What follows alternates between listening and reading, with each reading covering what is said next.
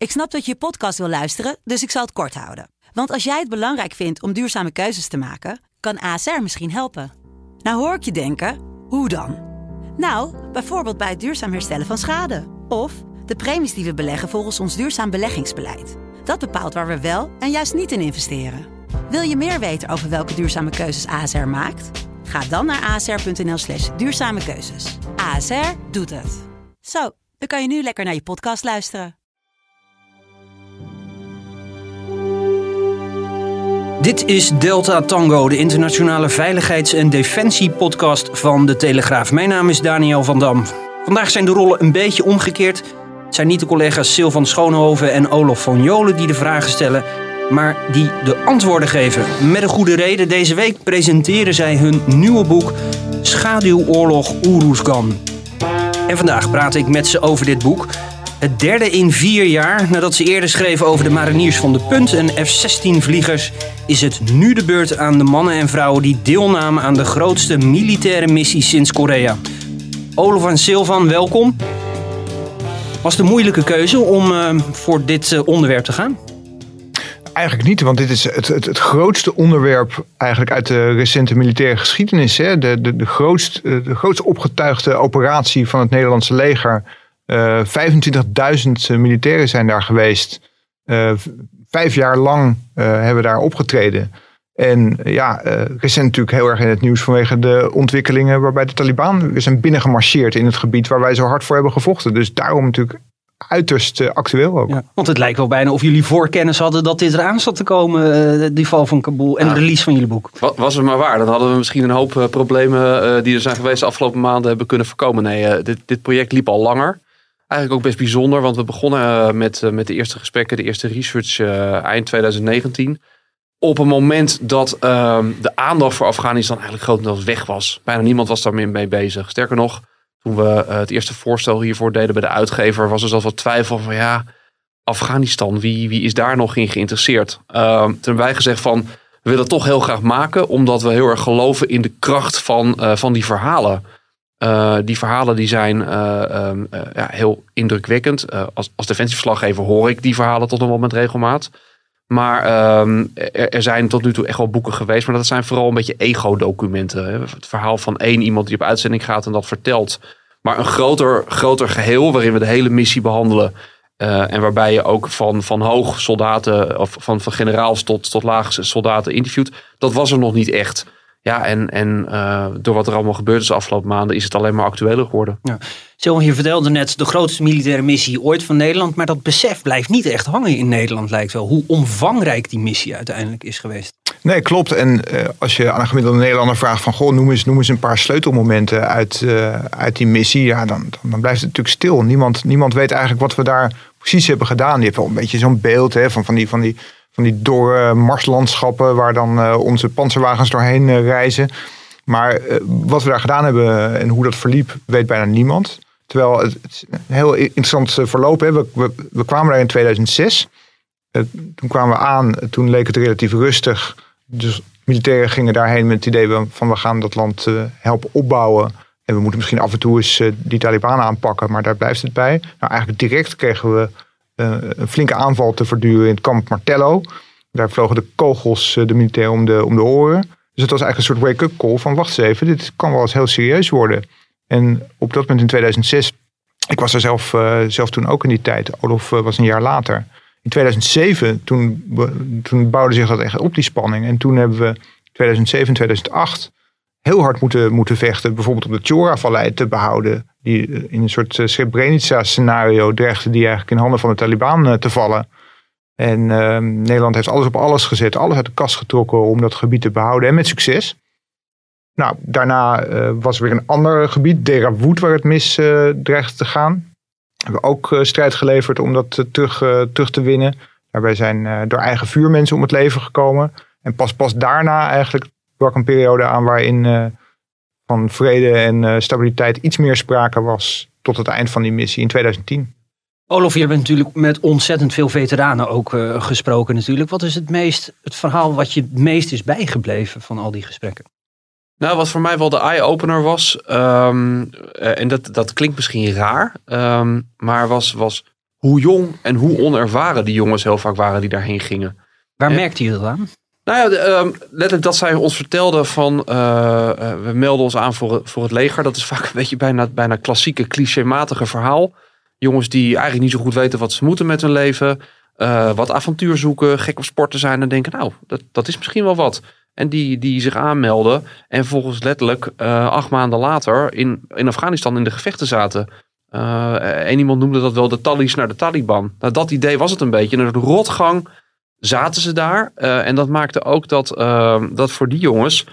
Ja, dat dat ook heel ingewikkeld eh, in een aantal gevallen was om daarmee te dealen. Omdat het zijn, het zijn jongens die ehm, ja, nog niet zo heel veel levenservaring hebben.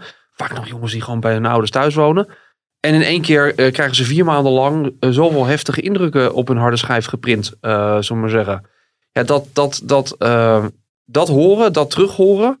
Ehm, en het contrast met het beeld wat er met name toen was. Nou, dat weet jij zelf ook. Hè? Wij, zijn, wij zijn samen in Afghanistan geweest in, in de vroege periode daar. Dat was toch heel erg, ehm, eh, eh, ja, best wel een geregisseerde door Defensie eh, show is niet het nette woord. Maar dat, daar zat het wel een beetje tegenaan. Hè, van we gaan op missie en die missie moet, moet draagvlak houden in Nederland. Dus laten we vooral zien wat voor goede dingen we daar doen. En er werden ook goede dingen gedaan. Maar, maar logischerwijs is het beeld wat je dan krijgt, is toch een, een, een geregisseerd beeld. Een, een, een, een strak beeld van vakmanschap. Van we zijn hiervoor getraind en we hebben de beste wapens en de beste militairen. En wij doen hier goede dingen. Ja, en, en nu, tien jaar later, als je met die mensen gaat praten. En vooral die, die jongens die toen zo heel erg jong waren. Ja, dan besef je eigenlijk pas eh, echt hoe, ehm, ja, hoe, hoe- hoe die missie in elkaar stak. En dus ook hoeveel eh amateurisme is het verkeerde woord. Maar hoe, hoeveel met trial and error dat allemaal maar een beetje gebeurde. Iedereen deed zijn best. Maar hoe heel heftig het was. En dus ook het, het enorme contrast was er was tussen, tussen dat, dat optimisme waarmee die jongens daar weggingen. En bijna de naïviteit waarmee we daar ingestapt zijn. Ja. Hoe ver stond dat beeld wat Defensie uiteindelijk naar buiten bracht en wat er daadwerkelijk gebeurde in Afghanistan zelf? Hoe, hoe ver stond dat uit elkaar? Nou ja, ik denk eigenlijk als je heel eerlijk bent best wel ver. We hebben, eh, een van de mensen met wie we gesproken hebben was, ehm, eh, of is Piet van der Sar. Eh, van der Sar is, ehm, wa- was de eerste commandant van de gevechtseenheden toen ze startten in 2006. En dat is een hele ja, eh, intelligente man, intellectuele man. Iemand die heel veel leest, eh, graag ook, ook we zeggen, terugkijkt op dingen. En, en hij omschrijft echt letterlijk van, van ja joh, we kwamen daar en ik moest de boeken nog lezen over contra guerrilla. Daar hadden we helemaal geen ervaring mee. Sterker nog, hij mocht dat woord niet gebruiken van de hogere legerleiding. Want dat, dat vonden ze, ja, eh, dachten ze van dat mensen daar zich aan zouden storen. Of dat dat, dat, dat heftig, te heftig klonk. Ja, en als je dan het beeld ziet van met name wat natuurlijk aan de Kamer verkocht is. Van we gaan daarheen, we gaan opbouwen, we gaan scholen bouwen. De meisjes kunnen weer naar school toe.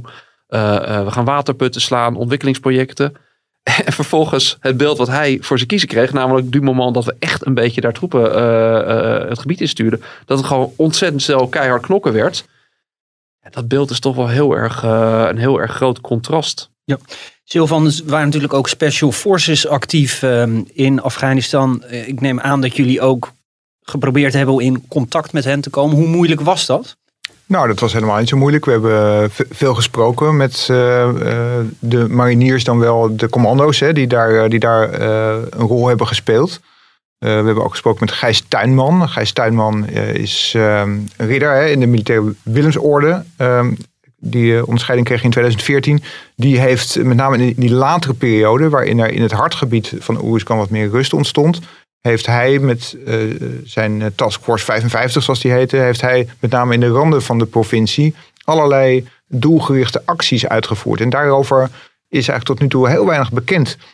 Eh, eh, of eh, weinig, weinig naar buiten gekomen. Het waren grootscheepse acties waarbij mensen met helikopters werden ingevlogen ver in vijandelijk gebied. Die voerden daar, daar een actie uit. Die, die hielden Taliban-kopstukken aan of sch- schakelden die uit. Hè. En eh, dan vertrokken ze weer met een helikopter terug, terug naar, naar de basis. Het waren hele grote acties. Hij heeft daarover verteld en dat speelt ook een belangrijke rol in ons boek. Hoe is jouw beeld eh, van de Nederlandse defensie, de krijgsmacht? Is, is, is die veranderd door alle gesprekken die je hebt gevoerd eh, voor het boek zelf? Is dat positief of negatief? Nou, het, het, het beeld van de krijgsmacht. eh, kijk, heel veel, heel veel mensen kijken toch uiteindelijk terug naar die missie. Niet met, met het gevoel van, van het was een zootje of we wisten niet wat we deden of zo. Dat, dat valt wel erg mee. Ik denk dat heel veel mensen die daar gediend hebben, toch, uh, toch het idee hebben van het, het was allemaal redelijk goed georganiseerd. De bedoelingen waren allemaal goed. We hebben daar toch wel veel doelen weten te realiseren. En we eh, zijn altijd toch professioneel opgetreden. Hè. We hebben, kijk, we, hebben natuurlijk ook wel, wel gezocht naar uh, kwesties zoals nou, aan het is gekomen rondom die Australische commando's, hè, die echt mensen hebben vermoord en lukraak burgerdoden hebben gemaakt. Ja, dat soort, dat soort toestanden hebben wij niet aangetroffen. En ik, ik denk niet echt dat ze er zijn. Op basis van al die mensen die we gesproken hebben, niemand zegt bijvoorbeeld dat er, dat er in, het, in, het, in het geniep uh, alle liquidaties werden uitgevoerd buiten, buiten het mandaat om of zo. Dus in, in dat opzicht kun je denk ik zeggen dat de Nederlandse krijgsmacht daar goed en professioneel heeft opgetreden over het algemeen. Maar er zit natuurlijk altijd een schaduwkant. Want er zijn wel degelijk allerlei burgerslachtoffers gevallen bij, eh, bij grote acties. Ja. Ik, ik denk, weet je, als het gaat om, om de, de rol van de krijgsmacht. Uh, wat, wat eigenlijk heel treurig is om te zien als je nu ziet hoe, hoe toen uh, daar opgetreden is. Dat, uh, dat we dat nu, dat Nederland het helemaal niet meer zou kunnen. Dat, het, het, het saillante eigenlijk, dat maakt het heel treurig, is dat uh, Oeruzgan een soort van de, de, de het ultieme is geweest wat er gedaan is. Uh, wat, wat, wat, waar de krijgsman toe in staat was. Op wat voor manier? Nou ja, gewoon puur van alleen al de hoeveelheid mensen die daar naartoe zijn gebracht. Maar ook met, uh, met alle eenheden. We spraken een uh, voormalige woordvoerder van, van de staf daar. Die zei, ja, het enige wat we niet ingezet hadden waren vergatten die daar in de woestijn lagen. Maar verder alles, alles wat Nederland had, dat was er. Vloog, reed, vocht, was actief. Dus het, het is echt in die zin, ja, dat, dat professioneel gezien is daar een topprestatie geleverd. Hebben, heeft Nederland echt laten zien van we kunnen meedoen met de grote landen uh, uh, als het gaat om, om kwaliteit van wat we leveren. Ja, en vervolgens in 2010, dus het laatste jaar van de missie, uh, was hetzelfde jaar dat Henk Kamp toen nog het laatste miljard uit de krijgsmacht getrokken heeft met bezuinigingen. Dus het is ergens ook iets heel treurigs dat, dat, dat wat daar kon en wat daar werd gepresteerd, dat het nu op dit moment belangen na niet zou kunnen. En dat, en dat, is heel, uh, dat maakt die missie ook heel uh, saillant eigenlijk. Ja. Hoe kijken jullie zelf naar de rol van Den Haag? Want met name in aanloop naar die missie kan ik me nog een debat herinneren waar GroenLinks voorstelde om niet met gepantserde voertuigen te gaan, maar met uh, jeeps die canvas hadden. nou, het grappige is dat dat eigenlijk achteraf helemaal niet zo'n gek idee was geweest. misschien dat, ze, dat hun motivatie wat minder denderend was dan, het, dan, dan nu, dat het lijkt. Maar in ons boek zegt bijvoorbeeld Piet van der Sar, die zegt van ja, dat dat al dat panseren, hè, gepantserde basis, zware gepantserde voertuigen, dat vond hij helemaal niet verstandig. Hij zei daarmee, daarmee uh, creëer je zelf eigenlijk de wapenwetloop met de tegenstander. Uh, hij was heel erg voor juist uh, inderdaad voert, open voertuigen, meer contact. Dan zie je ook meer wat er gebeurt. Dus dat was niet zo gek. Ja, die Haagse rol. vanuit... Ja, totdat je op een bermbom rijdt. Zeker, nou ja, dat, ja, is, dat, dat, ja maar, maar het interessante, die Haagse rol is wel en dat, en dat is wel, uh, dat, dat zagen we in het vorige boek Missie F-16 ook al, maar dat komt nu weer heel erg terug. Ja, dat je voor een deel ziet van, uh, er zit zo'n grote kloof tussen de mensen die die militairen op pad sturen en die lui zelf. Dat het af en toe gewoon echt pijn in je ogen doet. De militairen noemen dat de lange schroevendraaier uit Den Haag. Ja, er wordt dus op detailniveau mengen mensen zich in, in kwesties dat je denkt, ja joh, laat die mensen alsjeblieft hun werk doen. Ik bedoel, een mooi voorbeeldje uh, uit die vroege periode. Uh, Nederland had toen relatief weinig mensen in het veld. En een van de oplossingen was, laat militairen nou gewoon hele lange patrouilles doen. Een van de dingen die je dan niet kan doen, is dan voor drie weken of vier weken is eten en drinken meenemen. Maar dat, dat kan je ook lokaal gewoon kopen. Dus dat, dat gebeurde ook. Nederlanders deden dat, Australische uh, speciale eenheden dat. En dat ging prima, weet je wel. Die, die, die, die, die konden prima daar een potje mee koken. Totdat Den Haag er lucht van kreeg. En zei ja, uh, als je hier lokaal groente koopt, dan komen die van akkertjes die zijn bemest met menselijke poep. Dat gebeurt daar gewoon. Uh, ja, en dat is niet conform de, de hygiënecode die wij hebben in Nederland. Ja, en daar hebben jullie je ook aan te houden. Of je nou in een oorlogsgebied zit of niet. Dat ga je dus gewoon niet meer doen. Op het wereldvreemde afwijnen. Nou ja, dat is wel dat je denkt van... En dat is maar een voorbeeld. Dus we hebben in het boek hebben we talloze voorbeelden. Ja, dat zorgt er voor enorme frustraties. En dat kan je heel goed voorstellen. Omdat je eigenlijk natuurlijk als je daar zit als, als militair of als commandant van ook dan denk je gewoon van, joh, laat mij mijn werk doen. En natuurlijk zijn er, zijn er uh, regels en bandbreedte waar je tussen moet blijven. Met name als het gaat om geweldstoepassingen. Maar dit zijn wel voorbeelden dat je denkt van, nou, dit, is, dit is wel vrij bizar. Ja. Silvan, er is natuurlijk heel veel rond de, de, de val uh, van Kabul gepraat over de, de, de effectiviteit. Heeft het allemaal zin gehad, die missie in, uh, in Oeruzkan? Jullie hebben natuurlijk verdiept maandenlang hiermee bezig geweest. Wat is de eindbalans die jij zelf opmaakt? Ja, we hebben natuurlijk eh, die, die vraag ook voorgelegd aan eh, de mensen met, wie we gesproken hebben. En dat was dus nog voor dat Kabul was, was gevallen. Hè? En toen, toen worstelden mensen natuurlijk al met de vraag van ja, heeft het, heeft het nut gehad? Maar die vraag is natuurlijk nog extra actueel geworden op het moment dat de, dat de Taliban dat gebied heeft overgenomen. En zeker ook de, de, de Nederlandse provincie, de Nederlandse provincie tussen. Ja, de vraag heeft het, heeft het zin gehad, is, is eigenlijk op dit moment nog niet te beantwoorden. Het valt eigenlijk de mensen die we spreken, uh, je, hebt, je, hebt, je hebt eigenlijk verschillende categorieën. Eén categorie zegt van het was totaal zinloos. Alles was voor niks. Alle tijd, geld, moeite, stress, pijn, slapeloosheid uh, is allemaal weggegooide moeite. De Afghanen zijn verraden. Andere groep zegt van nou ja, nee, we hebben toch daar het zaadje van de democratie en de vrijheid geplant. Mensen hebben uh, toch kennis gemaakt met hoe, een, hoe een fatsoenlijke staat daaruit zou moeten zien. Dat, dat beklijft toch op de een of andere manier. En je hebt ook nog een derde pragmatische groep die eigenlijk zegt van ja, los van het resultaat, heeft Nederland zich daarvan zijn beste kant laten zien internationaal. Wij hadden een taak als bondgenoot en wij stonden daarvoor voor die taak. En die hebben we netjes uitgevoerd. We hebben onze goede bondgenoot betoond en daarmee staan we internationaal weer op de kaart. Is dat ook zo? Ja, ik denk, ik, ik denk het wel. Kijk, het, het, het kritiek die je erop kan leveren is dat er, ehm, dat, dat doet bijvoorbeeld ook iemand als uh, overste Mirjam Grandia, een, uh, een, een docent aan de, aan, de, aan de KMA, de Koninklijke Militaire Academie, die daar, die daar erg een punt van maakt. Die zegt van wees veel transparanter. En, en wat je dus elke keer weer terug ziet rondom Oeruzgan is toch van, als je eigenlijk aan het begin al uh, niet eerlijk bent over je uitgangspunt en wat je wil, of dat niet helemaal open bent, dat haalt je elke keer weer in. Dat krijg je elke keer weer terug. En in dit geval ook, uh, het wordt als, als politiek niet opportun geacht om te zeggen: luister, wij zijn lid van een club, de NAVO. Als je lid bent van een club, dan horen daar rechten bij, eh, maar er horen ook plichten bij. En een van de, van de plichten die er is, is dat als er een hele grote internationale missie is, ja, dat je gewoon uh, op een gegeven moment niet altijd maar nee kan zeggen.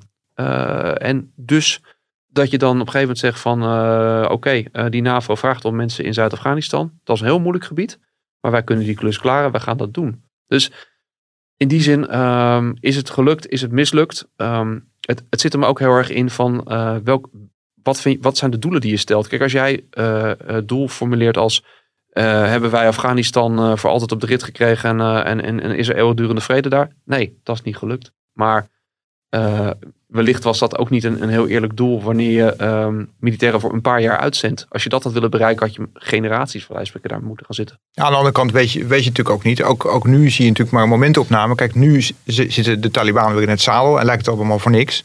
Maar ja, de Taliban hebben nu ook allerlei moeilijkheden daar om het gezag. Dus over twee jaar of over vijf jaar kan het plaatje er toch weer heel anders uitzien. En kan het zijn dat uh, dat, dat zaadje wat wij hebben geplant in de vorm van, de, van een soort democratische rechtsorde, in een hele rudimentaire vorm, misschien dat dat toch wel weer opkomt en dat we dat dan toch weer anders tegenaan kijken. Dus... Zullen misschien mensen nu luisteren en zeggen, wat, wat, wat, wat is die uh, Schoonhoven naïef?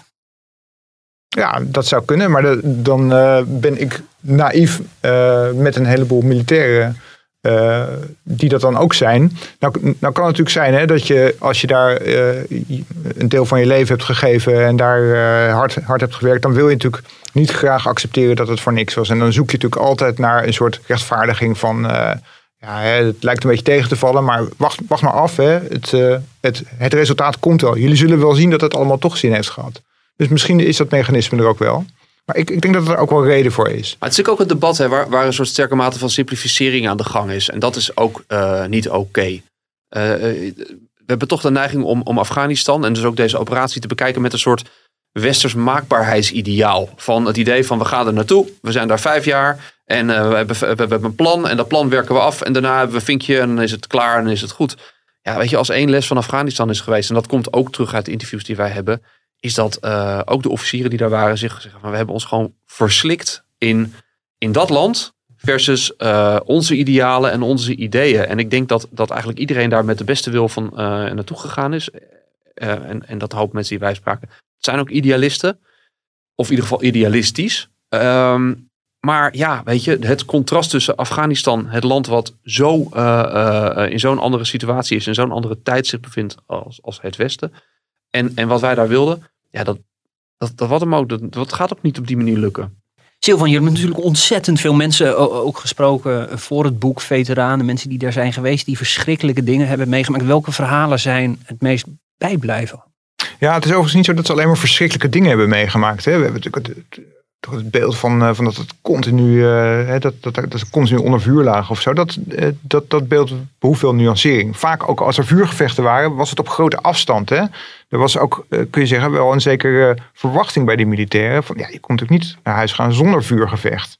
Dus ja, iedereen hoopte wel toch op een, een tik, hè, een troops in contact, zoals het heette. En als je geen tik had meegemaakt, ja, kan natuurlijk eigenlijk niet. Waar zat het hem dat in? Dat vonden ze spannend om mee te maken. Nou ja, je gaat naar, naar, naar een oorlog toe. Hè. Dat, dat was op een gegeven moment natuurlijk wel, duidelijk. En je wilt natuurlijk niet thuiskomen uh, en eigenlijk geen, geen verhaal daaraan overhouden. Ook, ook het idee dat jij een jarenlang traint en dan, dan is het voor het echi. En dan is het anders is het een beetje alsof je wel uh, voor je gevoel wordt opgesteld uh, langs, langs de lijn van het voetbalveld. Maar, maar niet, niet uiteindelijk uh, die goal schopt. Of, wel niet, of die voorzet geeft, zullen zeggen. Dat mensen willen dan het ook echt doen en kijken van...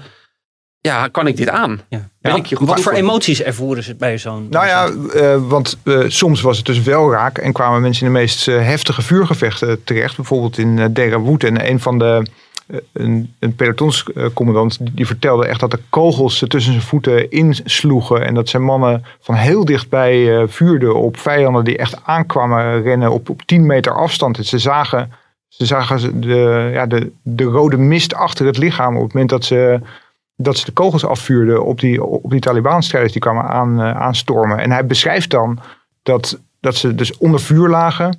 En dat zijn mannen naar hem, naar hem opkeken van oké, uh, wat, wat moet ik doen? Wat moet ik doen? En zeg maar een heel diep vertrouwen in die commandant. En dat gevoel van saamhorigheid, hè, dat, dat, dat gevoel van dat ze samen daar zijn voor één taak en dat enorme onderlinge vertrouwen, dat, dat is iets waar meer mensen over vertellen. Waar, waarover ze zeggen van ja, dat is iets wat je in de burgermaatschappij eigenlijk nooit meer hebt. Dat heb je niet als je bij een bedrijf werkt uh, van 9 tot 5. Dat heb je alleen als je. Als de dood zo dichtbij is. Als de dood zo dichtbij En, en het zorgt er bijvoorbeeld voor uh, iemand anders vertelde dat hij uh, tijdens de patrouille kwamen ze in een, in een grot terecht. Uh, waarvan ze eerst dachten dat het een soort Taliban-bolwerk was. Het bleek een soort herdersgrot te zijn. En die gingen ze verkennen om te kijken of daar misschien booby-traps lagen of wapens opgeslagen waren. En ze gingen daar naar binnen. En ze, en ze verkenden een heel grottencomplex. Toen kwamen ze daaruit. En toen begon het een beetje te kriebelen. En toen bleken ze onder de vlooien te zitten. Die hele grot zat, zat, zat vol met vlooien. En hij vertelt dan hoe ze elkaar op vlooien controleerden. En dus ook in elkaars bilnaad die vlooien gingen verwijderen. En hij zei van, dat was daar zo, dan komt het zo dichtbij dat je eigenlijk als, als, als, als kameraden dicht bij elkaar zit. Wat je hier, hier zou dat ondenkbaar zijn. En daar was het eigenlijk zo normaal. Ik kan me voorstellen dat het bijna cold turkey afkick is. Dus op het moment dat je uit Afghanistan in een normale samenleving dan komt als... als... Ja, je ziet natuurlijk ook wel dat, dat het of voor mensen een reden is om juist um, te blijven bij, de, Defensie. Van joh, uh, nadat wat ik dit gedaan heb, dit is wat ik wil. En je ziet mensen die eruit gaan daar ook uh, wel moeite mee hebben. En dat altijd wel blijven missen. Dus dit is niet voor niks dat je een veteranengemeenschap hebt waarbij mensen elkaar opzoeken. Waarbij je veteranencafés hebt, ontmoetingen, Facebookgroepen waarin mensen veel dingen uitwisselen. Ja, dat is wel echt een hele bepalende periode voor, voor die mensen geweest. PTSS kwam ook mede dankzij die missie in Oerskan, zou je kunnen zeggen, ook, ook bij ons op de radar. Ik neem aan dat jullie ook met die veteranen hebben gesproken. Ja, we hebben daar wel, uh, we hebben daar wel aandacht aan besteed. We hebben ook uh, in, in, ons, in ons laten we zeggen, afsluitende hoofdstuk hebben dat aangetipt. Het is natuurlijk gewoon een feit dat, omdat het zo'n heftige missie was, dat er meer dan bij de, bij de eerdere missies uh, mensen zijn die daar last van hebben. Dus dat is niet onlogisch. En je ziet ook, omdat er meer aandacht voor is, dat het meer ook boven komt. Hè. Als je kijkt naar bijvoorbeeld Nederlands-Indië, ja, daar zijn ook heel veel mensen met problemen vandaan gekomen. Alleen de aandacht was er toen nog niet. Uh, dus, dus daar is gewoon een heel groot uh, deel van die mensen, dat is voor altijd heel onbekend gebleven dat zij, dat zij dat soort problemen hadden. Dus ja, nee, daar staan we zeker bij stil. Het is een, uh, iets wat je niet, wat je niet kan. Want, je, moet, je moet daar aandacht aan besteden, het hoort erbij. Want nog steeds 8% van de, van de 25.000 militairen die daarheen zijn gegaan, die hebben te maken met nog PTSS. Hè. Dat, een gigantisch aantal. Dat zijn, dat zijn dus, Duizenden mensen. Dat, zijn dus uh, ja, 2000 mensen die, die, die nog steeds gevolgen daarvan hebben. En een deel daarvan heeft te maken, echt een, echt een forse groep, heeft te maken met, met klachten die alleen maar erger worden. En die ook niet, uh, waarbij geen, geen therapie eigenlijk meer echt helpt. Dat is best verontrustend. Ja. Nou, we hebben ook in het boek, ook zijn we uh, stil bij, blijven staan bij de zwarte kant Uh, en ik, dat is zeggen, het deel van het boek wat op mij het meeste indruk heeft gemaakt. Omdat het een onderwerp was waarvoor ik, uh, waaraan ik voor de krant al uitgebreid gewerkt heb. Uh, we hebben stilgestaan bij operatie Capture As. Dat is een operatie waarbij twee Nederlandse militairen door hun eigen collega's zijn, zijn gedood. Voor de krant had ik zo zeggen, de papieren werkelijkheid al redelijk op orde. WOP-verzoeken gedaan, van alles gehoord over hoe, hoe dat zat. een aantal keer over geschreven. En dat heeft er ook mede toe geleid dat de nabestaanden van die twee jongens, uh, Alder Portema en Wesley School, die hebben schadevergoeding gekregen van Defensie. En een erkenning dat er fouten zijn gemaakt die niet gemaakt hadden mogen worden. Maar voor dit boek uh, zijn we er eigenlijk nog een keer ingedoken. En, en kregen, en dat was heel bijzonder, omdat we zoveel mensen spraken, kwamen in één keer. Um, tot, tot nu toe hadden we eigenlijk nooit mensen gesproken die daarbij zijn geweest. Omdat mensen dat niet wilden of afhaakten of dat eng vonden. Maar nu spraken we mensen die zeiden, ja, nee, maar daar ben ik ook bij geweest. En heel natuurlijk kwamen we zo in dat gesprek. En daardoor hebben we ook nu voor het eerst hebben we, uh, mensen die aan, aan alle kanten van dat operatiegebied zijn geweest, die vertellen hoe dat was. Wat het ook met hen deed. Um, uh, en dus ook uh, ja, hoe dat drama zich ontvouwde. En dat heeft enorm veel indruk gemaakt. En daar, daar zit dat ook, en dat is heel interessant. Voor het eerst is het duidelijk, die operatie werd afgekapt na, nadat die twee Nederlanders om zijn gekomen. En dan ging altijd wel een soort verhaal onder militairen van ja, het hebben de Amerikanen opgelost. En nu hebben we eindelijk ook duidelijk hoe ze het hebben opgelost. Die hebben eigenlijk in twee dagen lang met heel bruut geweld hebben ze gewoon uh, alles platgeschoten wat, uh, wat ook maar zich verzette.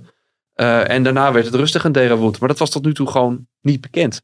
Voor, voor jou het meest indrukwekkende verhaal uit het boek? Ja, ik denk wel de contacten die ik heb gehad met de familie Portema. Dus de, de nabestaanden van Aldert. Hoe zijn zij er nu onder? Ja, ze, ja, dat is een wond die wel dicht is. Maar helemaal hele doet dat nooit meer. En vooral het idee dat jouw kind uh, omkomt is natuurlijk al verschrikkelijk. Maar dat hij omkomt door, ja, door, door fouten die, die, die niet hadden hoeven worden gemaakt. En dat jij dan vervolgens eigenlijk ook nog uh, jarenlang nou, uh, tegengewerkt is een groot woord, maar toch wel uh, passief wordt tegengewerkt in, in uitvinden wat daar gebeurd is. Ja, dat is heel erg. Hoe zijn zij eronder? Zijn ze verbitterd? Zijn ze boos? Is er berusting? Nu wel, het is nu wel berusting bij die mensen. Eh, en, en, en ze zijn blij dat er een erkenning is dat er fouten zijn gemaakt. Dat vinden ze heel belangrijk. Binnenkort, over twee weken, wordt, uh, wordt een viaduct in Friesland, uh, wat vernoemd is naar Aldert, wordt officieel geopend. Is ook belangrijk voor hun. Uh, ze vinden het fijn ook dat, dat, dat het verhaal vastgelegd is. dat er aandacht aan is besteed. Want dat is ook iets wat een hoop mensen wel eens vergeten. Hè? Die denken van, uh, media schrijven maar over die mensen en dat moeten ze vervelend vinden. Het omgekeerde is ook waar. Heel veel van dit soort veteranen vinden het fijn dat het verhaal, dat er aandacht aan wordt besteed. Het idee dat ze, dat wat zij hebben gedaan en waarvoor, uh, waarvoor uh, ze zelf of anderen zoals het ultieme offer hebben gebracht, dat dat niet vergeten wordt. En dat kan ik me, dat is geen preken voor eigen progie, maar ook wel voorstellen. Dat ze gezien worden. Ja, want, want, want het, is natuurlijk, het hoort een beetje bij, bij deze tijd dat, dat bedoel, morgen is er alweer een nieuw onderwerp. Morgen is er alweer een nieuw uh, conflict. Maar uh, het is goed uh, dat, dat, we, dat we dit niet vergeten. En dat we, dat we aan, aan, die mensen blijven denken. Want wat Sylvan zegt ook. Ehm, ja, er zijn gewoon rond de 2000 mensen die gewoon blijvend hierdoor last van hebben. Geestelijk. Maar er zijn natuurlijk ook honderden mensen die, die invalide zijn geraakt hierdoor ja, bedoel, het is belangrijk dat wij, dat wij dat verhaal blijven vertellen, dat we ook daaraan blijven denken. Want uh, dat, dat verdienen die mensen. Dat is denk ik een, uh, ja, een, een, teken van respect wat deze mensen echt verdienen. En dat is nu mooi samen gebundeld uh, in één boek. Absoluut. En wanneer ligt het in de winkel? Vanaf vrijdag is het, is het te krijgen. Vrijdag is, is de presentatie. En nou, we hopen dat mensen met veel plezier zullen lezen. Ja, we hebben ook komend weekend uitgebreid aandacht voor, voor de Oerskan veteranen in de krant en op de site een uh, heel mooi verhaal uh, over uh, Gijs Tuinman en zijn taskforce waar hij niet actief is geweest. Ja, normaal doe ik dit zelf, maar dit keer Daniel aan jou de eer van de afkondiging. Ja, dit was Delta Tango. Bedankt voor het luisteren en over een twee weken is er een nieuwe aflevering.